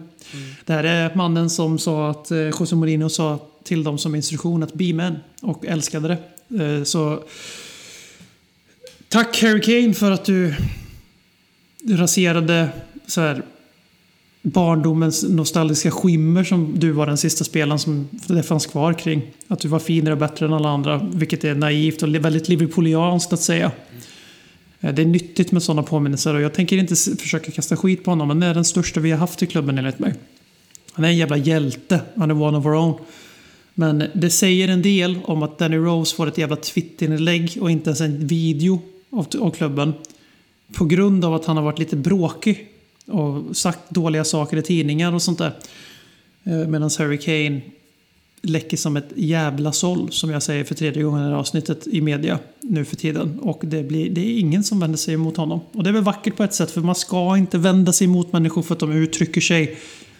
Eh, fotbollsspelare ska, fan kunna, fotbollsspelare ska fan kunna gå ut i framtiden och säga jag vill inte spela här längre. Jag, jag har ingenting emot fansen. Jag har ingenting emot det där. Jag, jag ser bara inte min sportsliga framtid här. Jag, jag, jag vill testa någonting nytt och det ska inte vara världens grej. Det är nästa utvecklingsfas för fotbollen. Men Jag håller inte med dig Det alls. Alls. Eh, jag tycker inte att eh, de ska göra det. Jag tycker att... Eh, jag jag säger, jag säger inte att de ska, jag säger att de borde få. Ja, de borde få, men det får de idag. De får Ja. det. Men, men du, det du menar med att de inte får det idag, det är att de blir hatade för det. Yes. Men det är ju lite... Det beror på vem de är helt och hållet. Skulle Jordan Henderson gå ut och säga att han vill dra, då, då skulle inte Liverpool bara åh jävla fucking Jordan Henderson hatar dig, utan då skulle säga ja men det, det är okej. Liksom. Men om... Eh, vilken, vilken skulle vi kunna ta i Liverpool om någon som de... Salah, Mané. Salah skulle gå ut och säga det, då skulle de vända sig mot han lite, lite grann. Så det är lite godtyckligt sådär. Men jag, jag förstår inte varför man överhuvudtaget ska gå ut i media och göra det. Varför ska du göra det? Jag, det, jag kan inte förstå det alls. Ehm, Nej, men om jag nyanserar lite, jag håller med om det där för att det behövs inte. Men jag tycker att fotbollen ska jobba mot det klimatet Harry Kane kan säga de sakerna till Danny Levy. Och sen när han har gått till Manchester City, då kan han säga det när han får frågan. Ja, det. jag, herregud. håller, jag, håller, Ja. jag håller med, Ja. för det, det kommer han ju inte säga när han väl är där. Nej, Då kommer det bara nej. vara positiva plattityder om Tottenham. Och jag hoppas jag kan komma tillbaka en dag, la la la la, positive memories, bara bullshit som ingen tror på längre. Mm. Så jag menar, nej jag håller med. Jag tycker vi behöver inte empower spelarna ännu mer. Det var inte riktigt det min poäng var, utan mer att jag önskar att de kunde vara öppna med det, men det betyder inte att jag vill att de ska gå ut och skapa oreda i en klubb. För det gör de redan så att det räcker och blir över. ja. Och, och Men, vill eh, de dra, då, då kan de fixa det. Alltså de Ja. flesta i alla fall. Mm, Harry Kane hade ju kunnat dra om det inte var för Corona. Så kan vi sammanfatta. Då hade det varit på riktigt. Då hade vi inte haft kvar honom i höst. Och i värsta fall tror så jag- drar de inte... Nej, men då sitter de och ändå liksom har en hyfsat jätte, jätte, jättebra lön för att inte spela fotbollsmatcher. Jag förstår det är säkert jättesorgligt för dem att inte få spela, men pengarna kommer ju fortfarande komma in. Till skillnad från, från i, i, vem som helst annars i arbetslivet, ifall den personen bara skulle bestämma sig för att inte göra någonting, eller inte, så skulle inte man få någon lön heller. Um, Anton undrar också vem som nu är vår snyggaste spelare när Gazzaniga har lämnat. Ja du. ja, det är ju inte världens eh, mest estetiskt tilltalande lag utseendemässigt. Ja, det är fan inte det. Det är ett fult gäng. Eh, är det sån? Sån eller... Hugo eh, Lloris kanske? Ja. Eh, Toby... Toby... Ja. Jag säger fan Sonny. Dele Alli? Ja. Absolut. Lite, lite porrig sådär. Eh, fan, det måste ju finnas Finns det ingen... Sitter det inte någon hunk nu som vi... Harry Wings tror jag många tycker ser Troy bra ut. Parrott är faktiskt lite hunkig. Ja, Troy... Ja, Där där... Ja, fast han är inte hunkig än, för han är inte tillräckligt gammal. Han är sötsnygg. typ, Liksom. han är typ 16 liksom, så vi kan ju chilla lite. Man sitter och jublar över hur snygg han är, men... Eh, Malm undrar om vi har några kulturtips. Festligt om ni vill dela med er om någon bok ni läst om teater, matlagningskurs. Någon bok jag läst om en matlagningskurs. Mm. Ah, vad jag läst på senaste tid. Eh, Voyagers of the Titanic. 3 och 5 var mest en lista med människor som var på båten. Nu läser jag Night to Remember om Titanic. Ja, jag har eh, en del, en del eh, så här, tendenser av diagnoser som borde normaliseras deluxe i samhället. Eh, Min sambo gjorde ett sånt test på mig typ en kvart efter hon hade börjat på BCN-programmet. Men eh, sen har jag också, läser också fotbollsböcker. Och håller på med en, läser ut en bok om argentinsk fotboll. Angels with dirty faces. Nu läs, ska jag läsa om unge, den superungen på 40-50-talet som var så jävla bra. Med Puskas och grabbarna. Och eh, matlagningskurs? Nej, kommer aldrig ske. Nej. Eh, Lär mig språk istället. Tyska. Ehm, Och sen så tycker jag att tv-spel är kultur. Så jag spelar lite tv-spel. Det var länge sedan jag läste en bok som jag skulle säga att jag gav högre än tre av fem. Det skulle vara Goonsquad, eh, Jennifer Egan då i så fall. Eh, lite speciell bok i, med tidsperspektiv och sådär. Eh, så, så, sen skulle jag, så, som jag alltid gör, så tipsar jag om Sopranos. Så, bara, det är bara att börja, bara kötta igenom. Vi har många fler frågor här nu men jag har lovat att ta alla så att vi får ju nu kör vi rapid fire för Ja, nu, nu börjar BM bli... Ja, BM. Eh, oj, BM är trött. Ka- Jesper Kanell, vilka spelare tror ni skulle tjäna på samt förlora på Potter? Eh, eh, skulle tjäna på det. Eh, rapid fire är svårt på det eh, fan. Höj- Alla som är, alla som är skulle inte unga och det. lovande. Alla som är unga och lovande skulle tjäna på det. Höjbjerg skulle inte tjäna på det. Conte som ni tränare. Ehm, Samma fråga. ja, ja. Ehm, Kane skulle tjäna på det. Eh, Son skulle på Son det. skulle tjäna på det. Tobbe Alderweireld skulle tjäna på det. Ja. Samma gubbar som lyfte som Nästan Mourinho. faktiskt. Tanganga skulle inte vara en... Nej, hans ytter- hans ytterbackar gör i, inte... De stod för mer än vad Tanganga tillför just nu. Jag tror Reguilon skulle passa bra för Conte. Kanske. Eh, och sen har vi då samma med Pochettino som tränare. Harry Winks skulle Alla. tjäna på det. Alla skulle tjäna på det. Finns det någon som inte skulle tjäna på det? Eh, ja. Alla Mourinhos gubbar. Nej. Ja, men typ någon som är skadad ofta, tänker jag. För där är det ju liksom under, i, i Pochettino-regimen, så att säga. Nej men ska vi vara lite seriösa. Toby blir nog inte jätteglad om Porch kommer tillbaks. Ja. Eh, det känns som att man brände sina broar där. Eh, grejen är för mig att Pochettino är en coach i grunden. Han gör spelare bättre, lite som Graham Potter. Eh, det är liksom en ganska viktig del av fotbollstränarjobbet. Och jag har, jag, på riktigt alltså, det är ingen spelare i vår trupp som inte kan lära sig ännu mer om Maurizio. Eh, sen så tror jag att eh, sådana som eh, verkar ha zonat ut honom för bara två år sedan att de ska bara automatiskt inte göra det nu, det, det har jag lite svårt att se. Och därför väljer jag Toby som exempel på det. Men det kanske är orättvist mot honom. För att jag tror att ganska många i vårt omklädningsrum, om de talar fritt, internt med sina kompisar kanske, har sagt ett par gånger det här året, dryga 18 månaderna med Mourinho, att fan vad jag saknar Pochettino. Kalle undrar, vi älskar alla Porch, men, det finns något, fin, men finns det något som talar för att det ska lyckas den här gången? Det är inte så, så stor förändring av truppen till sist. Och då kan vi bara säga så här, hjärtat säger ja, hjärnan säger väl egentligen nej. Ja, nej, det är ju... Det, framförallt är han för, för stor. Alltså, vi, han kommer inte få... Alltså, när han kom in och skulle lyfta oss när vi var sexa, liksom, och vi hade inget hopp och hade en rutten kärna, precis som vi sägs ha nu. Då gick han ju in och rensade ut den kärnan och gjorde en ny med Harry Kane, Ryan Mason, Eric Dyer, Dele Alli, Kyle Walker, Danny Rose. Jag bara, jag bara säger några fler än Harry Winks nu eftersom folk låtsas som att han inte tog fram några egna spelare bara för att för att eh, de andra inte är homegrown. Eh, Det är ju bullshit för att han tog ju fram halva jävla Englands landslag där första åren. Sen, vet du vad som hände sen med Maurizio Pochettino och Tottenham? Vi blev för bra. Vi blev typ Englands bästa lag över tre kalenderår. Eh, Och då är det inte lika lätt för unga spelare i akademin att slå sig in. För att man slår sig inte in i en ligasexa längre utan man slår sig in i fan ett av Europas bästa lag. Det är inte riktigt, det är lite så äpplen och päron. Så, eh, han kan göra det igen, absolut. Men kommer han att få den möjligheten och det tålamodet med den nya kravbilden och den nya statyn på klubben? Nej. Nej. Så att, eh, jag håller med dig. FH, vad kommer Spurs fynda i reallådan den här sommaren om vi tittar på lag som åker ner i Championship? Det har vi ett enkelt svar på. Joakim Andersen. Nästa fråga. Anton, har ni crème fraîche eller gräddfil på tacosen? Eh, gräddfil, eller? I, om jag har något av det så är det crème fraîche för det är vad min sambo har. Jag brukar Vänta inte ha nu, något det är klart det är crème fraîche, för gräddfil är lite surare och det vill man inte ha på tacosen. Nej. Nej, jag kör bara crème fraîche om, eh, om jag känner för det. Jag har, kör bara salsa och grönsaker annars. Eh, Den här frågan vet jag att du har kollat lite extra på, B. Nestor, finns det fortfarande chans att Soliman Koulibaly blir en bra spelare? Nej. Kommer du ihåg han? Fan vad bra han skulle bli. Nya Drogba. Han spelar i tunisiska fotbollsligan nu tror jag. Ja, han är riktigt vass. Eh, 2022, då jävlar, då kommer han hem. Tillsammans med Damao. Eh, Damiao. vilken var den första Ja. Tottenham-matchen ni gick på? Vilka mötte vi och vad blev slutresultatet under Anton? För mig var det Derby, den där säsongen där Derby var Premier Leagues sämsta lag i historien och vi vann med 4-0. Och ehm, eh, Adel Tarabt gjorde sin debut, byttes in och hela publiken skrek när det stod 4-0 “Just pass the ball to him” hela tiden. Och Anthony Gardner var mittback och trots att vi ledde med 4-0 så skrek alla på Anthony Gardner om hur dålig han var. Ja.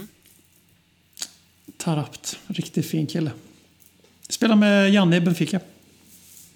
Och din första match? Southampton 1-0 Gareth Bale. Ja, just det. Vackert. Då var jag också där. Eh, Otroligt vilken, vilket passionerad svar jag gav. José Fonte spelade mittback i Southampton, kommer jag ihåg. Eh, Var det Pochettino som var tränare för honom? Nej, Nej, det var för tidigt. Nej, det var för tidigt. Det var för tidigt. Det var för tidigt. nej. Eh, Paul Magnusson, sista frågan. Vem i truppen hade lyckats bäst i wrestling? Och, eh, eller ja, WWE skrev han, men jag vet inte fan hur man uttalar det. WWE, säger man så? Ja. Jag vet inte. Jag tittar inte på wrestling för att jag eh, tycker att det verkar fullständigt eh, supertråkigt. Men eh, hur hade hans karriär sett ut? Karaktär sett ut? Vem hade lyckats bäst? Och hur hade hans... Men alltså är det meningen vi ska besvara någon, Jag kommer ihåg Ray Mysterio. Eh, Rest in Peace tror jag. eh, Som hoppade upp i repen och så, så här, svingade sig in utifrån och så knä, eller utifrån och in och knä folk i huvudet. Eh, Och den som passar in på den är Erik Lamela. För att han är den Åh, enda som gud, har ja. killer instinct. Och han, han skulle... Erik Lamela, jag har alltid tyckt att det ser ut som att Erik Lamela har eyeliner. Men det har han ju inte. Men han skulle ha jävligt mycket eyeliner i sin wrestlingprofil. Sen så skulle han också skaffa sig en sån här tatuering som ser ut som att han har blivit riven eller klöst av en tiger över typ hela ryggen. Det skulle Lamela göra. Och så skulle han ha otroligt tajta speedos på sig i sin eh, wrestlingkaraktär. Och där är vi igenom. En timme och 30 minuter podd fick ni, era jävlar, trots att ni trodde att det skulle bli någonting. Det är väl klart att inte vi sviker er. Ni sviker ju aldrig oss. Tack så jättemycket för att ni har varit med oss i ännu ett avsnitt av Lelle Kings knä. Det kommer minst ett till avsnitt under sommaren här. Kanske flera, men det Det kommer, kommer komma minst ett fler. till. Det kommer komma fler, jag lovar. Ja, det vi, blir eh, ett vi kommer reaktions... sakna våra egna röster så mycket. Ja, ja, gud ja. Det är ju den anledningen till att vi gör det här, så att vi kan ska kunna gå och lyssna på oss själva eh, på veckorna. Eh, Men eh, jag säger så här, jag sticker ut hakan och säger före Robin kör sina förberedda outros. Vi hörs igen före den här veckan är slut för då kommer Tottenham Hotspur ha en ny huvudtränare. Och hans namn kommer att vara Erik Ten Hag. Erik Ten Hag. He came from Netherlands to do something something. He's got no hair and we don't care. It's Erik, Erik Hag. Tack så jättemycket. Vi eh, hörs och ses. Puss. Hej! Respekt för Pochettino.